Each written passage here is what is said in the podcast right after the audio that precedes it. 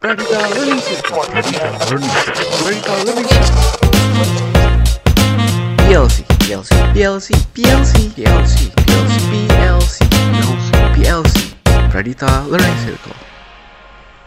Nah, oke, kita lanjut nih Kak Jenny. Menurut Kak Jenny, ya, eh, bagaimana sih cara kita membangun, bagaimana sih cara kita membentuk hubungan yang sehat, hubungan yang baik, Kak? Tadi mungkin salah satunya Kak Jenny udah bilang dengan komunikasi yang baik. Mungkin ada hal lain lagi, Kak, yang bisa diceritakan untuk kita Ya. semua. Ya, komunikasi yang baik itu bukan cuma komunikasi yang dilakukan atau bukan cuma komunikasi yang sekedar ada, tapi komunikasi yang jelas dan jernih gitu ya. So, um, pertama-tama ketahui dulu kualitas komunikasi apa yang bisa membuat hubungan menjadi sebuah hubungan yang baik. Dan yang kedua, Hmm. sekali lagi, dan ini nggak pernah bosan aku tekankan, kenali diri sendiri. Kenali diri sendiri dan belajar mengkomunikasikan apa yang kita butuhkan dan kita inginkan kepada pasangan. Yang ketiga adalah dengan belajar untuk mendengarkan tanpa menghakimi, tanpa ngerasa harus ngasih dia solusi kecuali dia memang butuh solusi. Ya. Salah satu hal favoritku adalah kalau dia yang curhat aku nanya, kamu mau dikasih solusi atau mau didengarkan? Hmm, gitu. Ya, so eh, latih diri kita sendiri untuk menjadi pendengar yang baik tanpa menghakimi dan tanpa buru-buru ngasih solusi. Itu kadang-kadang orang cuma pengen didengerin aja, mereka nggak butuh sesuatu yang lain. Luar Tiga hal itu yang terpenting. Ya, Oke, jadi gitu ya adik-adik semua yang mau punya hubungan yang sehat, hubungan yang baik ya. Yang komunikasi bukan hanya sekedar komunikasinya tapi kualitas dari komunikasi tersebut. Bagaimana cara kita bisa mendengarkan dengan baik pasangan kita atau teman kita atau orang tua kita bahkan keluarga kita. Gitu ya Kak Jenny ya. Oke. iya. Eh, lanjut kak. Eh, tadi kan ada satu hal yang menarik nih. Eh, kak Jenny bilang yang penting adalah kita kenali diri kita sendiri dulu. Nah banyak orang tuh yang insecure sama dirinya sendiri, takut, ah malu, nggak enak gitu ya. Jangan-jangan gue jadi toxic buat orang lain dan lain Atau- sebagainya. Atau enggak mungkin dia lebih kayak put uh, other people's happiness gitu loh. Sebelum dia gitu. Jadi dia lebih merasa kita lebih mementingkan. Kita harusnya mementingkan diri sendiri tapi lebih yang kebahagiaan aku tuh tuh untuk ngebahagiain orang lain gitu. Ya. Nah gimana tuh kak mengenai hal-hal tersebut kak?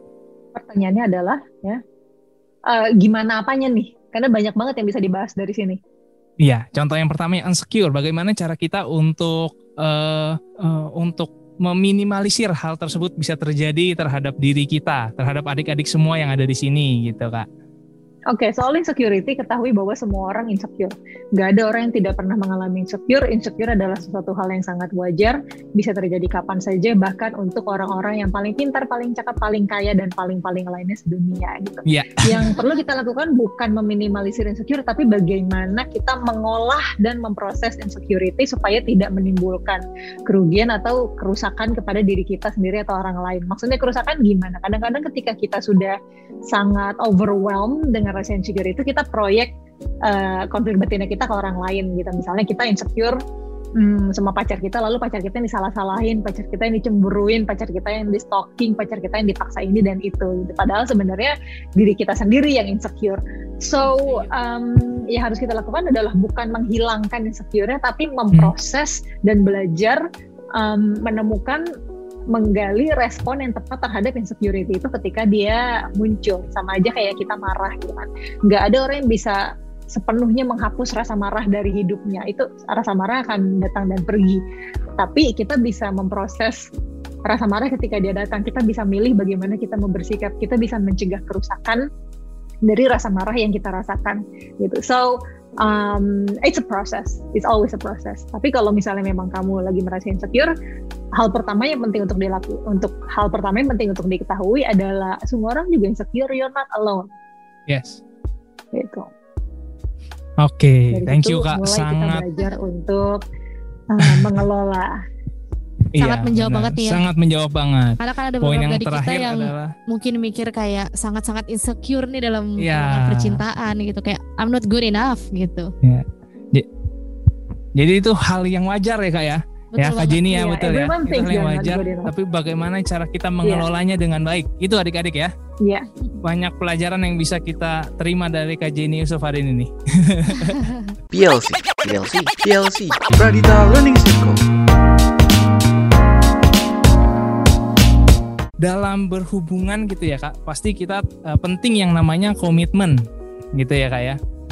Komitmen adalah eh, hal yang penting dalam Mhm. sebuah hubungan. Nah, tapi biasanya kalau masa-masa SMA gitu ya Kak ya, komitmen ini jadi cenderung posesif ya Kak. Kita jadi nggak bisa berkembang. Kita misalnya lagi lagi main basket, lagi mau ikutin hobi kita, ya kita lagi mau eh, latihan basket dan lain sebagainya, tiba-tiba diposesifin sama pacarnya, gitu ya. Aduh, eh, jangan main basket deh, ntar lu diliatin banyak cewek dan lain sebagainya, sehingga kita nggak bisa berkembang gitu ya kak ya. Biasanya kan anak-anak SMA, kuliah gitu ya.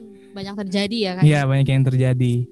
Nah, menurut eh, Kak Jenny itu bagaimana sih cara menyikapi hal tersebut gitu? Untuk tidak mensalahartikan kata komitmen eh, dalam hubungan gitu. Oke, eh, hal pertama adalah ketahui bahwa kita tidak akan pernah bisa memiliki siapa pun. Wow. Walaupun itu kita bilang pacar kita, bahkan sampai suami kita, istri kita, kita tidak pernah betul-betul memiliki orang lain. Orang lain punya kuasa penuh atas diri mereka sendiri, ya. Jadi hmm, yang dimaksud dalam komitmen adalah yang dimaksud dalam komitmen adalah keputusan dua orang untuk bersama-sama. Jadikan komitmen ini sebagai sarana untuk belajar dan bertumbuh dan mengalami hal-hal yang butuh kalian alami, bukan saling uh, mengekang atau uh, membelenggu satu sama lain. Itu cara yang sehat untuk menjalankan sebuah komitmen. Ya. So just remember that you never own anyone. Yes. Wow, itu satu lagi pembelajarannya kak, bahwa kita tidak bisa memiliki, memiliki siapa pun itu. Ya kak, secara keseluruhan secara gitu ya. Jadi kayak keseluruhan. hmm, betul, betul. itu kadang yang susah deh kak. Karena Benar. kan kadang kita ada yang udah pacaran ini pacar gue gitu. Iya. Mau kita milikin Iya. 100% Padahal ada. atur. gitu. Iya. Padahal kan yang punya peliharaan di rumah, yang punya kucing, yang punya anjing, yang punya hamster, yang punya ikan cupang. Iya. Kita seben kita tidak pernah betul-betul memiliki kuasa atas diri mereka sendiri gitu. Kita berpikir bahwa kita memiliki mereka, tapi sebenarnya kita nggak pernah memiliki mereka. Mereka ada di hidup kita, bukan berarti kita bisa kontrol mereka. Gitu. Ya, betul, betul, betul. Oke, ya, ini sama halnya kalau misalnya hewan peliharaan kalau misalnya hewan peliharaan aja bersikap seperti itu ya bayangkan gimana dengan manusia yang punya akal sehat yang bisa mengambil keputusan untuk dirinya sendiri orang-orang yang yang punya hak untuk menetapkan apa yang terbaik buat mereka sendiri gitu. Jadi yang perlu kita lakukan dalam fase komitmen ini adalah belajar untuk memahami satu sama lain, belajar untuk mencintai dengan baik, belajar untuk bertumbuh bersama, belajar untuk berkembang sama-sama, bukannya saling menghukum, bukannya saling mengekang. Ya. Gitu. Justru sama-sama ya kata kuncinya kayak. Poinnya kita harus sama-sama untuk belajar, Exactly. sama-sama untuk menjaga, Iya. Hmm. Ya, ya. Nah, Berarti dari Iya. eh, hubungan yang dari dua arah ini gitu ya. Kadang tuh muncul beberapa beberapa apa ya Yes. isu gitu, masalah gitu. Saya salah satunya adalah eh, mungkin dari teman-teman ada juga yang backstreet nih kak selama sekolah gitu ya. Jalan hubungannya rahasia gitu. Tapi eh, ada juga yang kitanya maunya backstreet tapi pasangan kita ternyata nggak backstreet gitu. Jadi kan itu kadang ada apa ya? eh, kita bertentangan gitu di saat kita mau menutup nutupi tapi pasangan kita merasa kayak aku maunya semua orang tahu kamu pacar aku gitu nah untuk menyikapi itu gitu Hmm. kak Jenny karena itu kan mungkin ada beberapa hal terjadi gitu di masa-masa sekolah iya, mungkin bagaimana sih menurut pandangan Kak Ya, Jenny kalau terhadap mau- Backstreet ya, kalau gitu ya? maunya beda ya nggak usah dipaksa. Buat aku apa pun jenis pacarannya mau backstreet, mau front street, mau apa pun, ke- ketika kedua belah pihak sama-sama sepakat tanpa dipaksa satu sama lain, tanpa ada keharusan, tanpa ada manipulasi dari pihak mana pun, sah-sah aja mau kayak apa pun. Why not? Hmm. Tapi yang jadi masalah adalah sering kali kita nyocok-nyocokin maunya kita karena kita nggak mau kehilangan orang yang kita sayangi ini. Betul, kita betul. mengorbankan kebutuhan diri kita sendiri untuk menjaga mereka tetap ada. Gitu kita eh, ya udah deh, pokoknya yang penting gue nggak kehilangan dia. Padahal itu nggak sehat. itu hubungan yang tidak sehat. Jadi Bisa mau- dibilang Jadi mau backstreet kayak ya. mau ngapain ya bukan em, mungkin istilahnya hubungan yang bukan dipaksakan mungkin. tapi lebih ke something like that. Oh, oke. Aduh, mohon maaf nih kakak-kakak, aku kayaknya tidak begitu mengenal cinta. Atau mungkin saya yang waktu zaman SMA cinta-cintaan terus jangan-jangan. Bisa jadi. Oke. Nah, mungkin ada lagi nih Kak cerita nih ya selain Backstreet gitu ya. Mhm. Mungkin eh, kita pacaran karena rasa kasihan gitu. Kadang kan ada beberapa mungkin temen yang populer banget nih. Kak saya ditembak sama temen saya udah 15 kali misalnya. Dan dia udah nangis-nangis Kak, saya jadi kasihan gitu. Nah, menurut Kak Jenny apakah ini hal yang eh, dibenarkan atau lebih baik kayak ini pondasinya kayaknya kurang tepat gitu. Terserah aja. Karena kan balik lagi, kita menjalin hubungan untuk mengenal diri sendiri, untuk tahu apa yang oke dan gak oke buat kita, untuk menimba pengetahuan, untuk menimba pengalaman. Jadi selama hal-hal itu bukan hal yang membahayakan diri sendiri, bukan hal yang mengancam keselamatan, bukan hal-hal yang damaging untuk our well-being, go for it gitu. Siapa tahu karena kamu jad- jadian mentang-mentang karena kasihan, kamu justru jadi tahu, oh aku ternyata nggak bisa pacaran sama orang cuma karena kasihan. Aku cuma Hmm. bisa pacaran sama orang karena sayang. Bisa juga setelah pacaran karena kasihan tiba-tiba eh awalnya kasihan kok lama-lama sayang beneran ya. Bisa juga. Atau bisa juga awalnya karena kasihan terus lama-lama yang dikasihanin itu justru ilfil sama kita. Bisa juga. Hmm, iya betul Untuk betul. hal-hal seperti itu mm, nggak perlu nggak perlu terlalu dianalisa gitu. Ingat Ah. bahwa usia-usia kalian adalah masa-masa belajar menimba ilmu, pengetahuan dan termasuk dalamnya adalah trial and error. Nggak akan semua nggak akan eh, nggak akan ada pengalaman tanpa kesalahan, nggak akan ada pembelajaran tanpa kegagalan. Remember it that gitu. Luar biasa. Kalaupun misalnya hubungan yang nggak berhasil, ya at least kita belajar sesuatu dari situ. Kita bisa kenal diri kita lebih dalam lagi. PLC, PLC, PLC, Pradita Learning Circle. Nah, kan kadang banyak nih anak remaja tuh yang suka bilang bahwa ah gue udah punya cinta, gue udah suka banget secara tulus, kayaknya gue udah maksimal banget nih eh sayang sama nih orang gitu ya, tapi dianggap remeh sama om orang tua ya.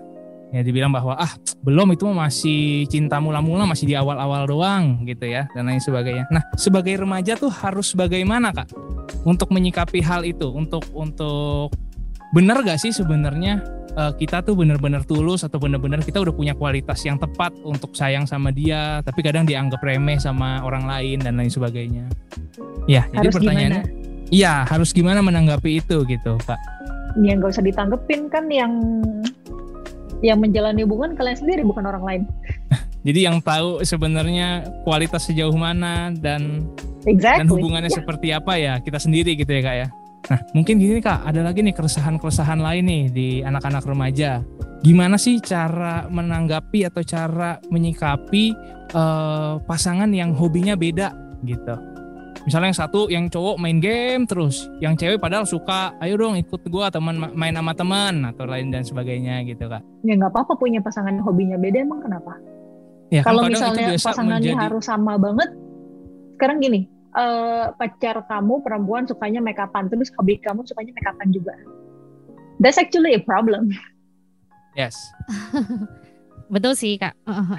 Jadi, Jadi- sebenarnya Nggak apa-apa punya hobi beda tuh nggak apa-apa. Dalam dalam hubungan kita sedang mempertemukan dua orang yang bisa jadi sangat berbeda satu sama lain nggak ada nggak ada masalah. Yang masalah adalah kita, ketika kita memaksakan orang yang nggak sejalan untuk dicocok-cocokin ke kita. Hmm. jadi Dia orangnya Hmm. sukanya menyendiri, tapi kita paksa terus hangout sama teman-teman kita. Dia sukanya main game, tapi kita paksa terus eh, nonton film bareng kita. Bukan itu yang dia suka gitu. so basically jadi itu yang kalau kita uh, menjalani hubungan dengan orang yang hobinya berbeda itu sebenarnya lebih ke yang how can we tolerate gitu nggak sih? ya Jadi lebih yang kayak kita harus lebih dewasa gitu. balik lagi ke eh, pernyataan pertama-tama Iya, Kak. aku kurang setuju. Aku kurang setuju dengan perkat dengan eh, dengan kata tolerate karena tolerate artinya kita eh apa ya? Tolerate itu artinya kita nggak setuju tapi kita memaklumi gitu ya kak hmm, ya udah deh memaklumi gitu Iya. ya hobi yang beda itu nggak perlu dimaklumi hobi yang beda itu cuma perlu diterima aja gitu ya kenyataannya hobi kita emang beda jadi poinnya bukan Gitu. kesalahan yang perlu dimaklumi So, tapi ya memang totally diterima aja okay. gitu ya itu bukan kesalahan yang perlu dimaklumi gitu Iya. kalau kalian punya hobi beda jadikan itu sebagai sebuah tantangan gimana caranya kalian tetap bisa menjalani hubungan yang baik walaupun kalian dua orang yang berbeda Gitu. Lagian punya hob- punya pacar yang hobinya sama banget cepet bosan gak sih? Betul sih kak. benar jadi nggak bisa explore sama-sama semua sama semua sama gitu ya kak PLC, PLC, PLC, Pradita Learning Circle. Nah, mungkin ini eh, kita mau menuju akhir nih pertanyaan-pertanyaan kita nih, Kak Vio. Ya. Nah, mungkin di sini banyak anak-anak yang SMA gitu ya, Kak. Takut LDR. Ya, LDR di sini tuh mungkin bukan bukan beda kota ya, bukan beda daerah, mungkin cuma beda kampus gitu ya, Kak. Yang sebelumnya selalu deket-deketan, satu sekolah, makan ke kantin bareng, dianterin pulang, sekarang harus ketemu orang baru dan lain sebagainya. Nah, eh itu wajar gak sih kak untuk anak-anak remaja gitu ya untuk adik-adik semua yang ada di sini punya ketakutan untuk hal yang baru kita jadi beda kampus gitu kita jadi LDRan dan lain sebagainya kak Punya ketakutan atas hal apa pun dalam hidup adalah sesuatu yang wajar. Apa pun Hmm, wajar. oke jadi tinggal bagaimana cara kita eh, menyikapi hal tersebut gitu ya kak ya Betul oke sekali. kalau kita takut ya gimana cara kita untuk berdiskusi orang yang gitu ya. nik Jangankan LDR, orang yang nikah aja ketakutan waktu mereka sebelum mereka menikah. Banyak sekali pasangan yang menikah sebelum pernikahannya meragukan keputusan mereka, ketakutan apakah ini keputusan yang benar dan sebagainya. Ketakutan adalah sesuatu yang wajar dalam hidup. Eh, ketakutan akan jadi masalah besar ketika kita tidak tahu bagaimana cara memproses dan menangani ketakutan itu sendiri. Ya, oke kak. Nah, sekarang kita mau ada di akhir acara Mhm. nih kak. Eh, jika diberi kesempatan untuk balik ke SMA gitu ya kak ya, masa-masa SMA, masa-masa kuliah, apa yang ingin Kak Jenny lakukan atau yang belum pernah Kak Jenny lakukan dan Kak Jenny mau lakukan di masa SMA Kak Jenny? Ya, kalau aku bisa balik ke masa SMA, aku pengen lebih banyak main. Karena SMA aku diisi dengan belajar, belajar, dan belajar. Sehingga aku jadi salah satu siswa yang cukup berprestasi, tapi eh, nggak terlalu apa ya, nggak terlalu menikmati masa SMA. Dan mungkin aku mau minta sama orang tua aku dipindahin ke SMA lain yang lebih fleksibel. mungkin kayak gitu. Oke. Tapi nggak berat. Tapi bukan berarti aku menyesali masa SMA aku juga enggak gitu. Yang penting bagaimana cara kita menikmati hidup kita gitu ya kak ya? Ini juga ada beberapa nih rekomendasi buku dan film ya dari Kak Jenny. Mungkin nanti akan kita Yes, yang yes, infokan halo. aja. Iya. Oke. Oke, kalau gitu, thank you banget teman-teman semuanya. Kita eh, dari Panitia University mungkin udah dulu ya kak ya. Kita akan ketemu lagi di bulan depan. See you guys. Dadah.